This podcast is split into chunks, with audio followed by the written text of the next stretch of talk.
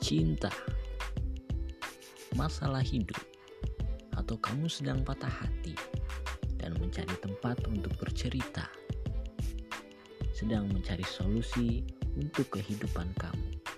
Kamu bisa bercerita di podcast ini dengan berbagai hal yang mungkin akan bisa menjadi inspirasi dan motivasi buat kamu.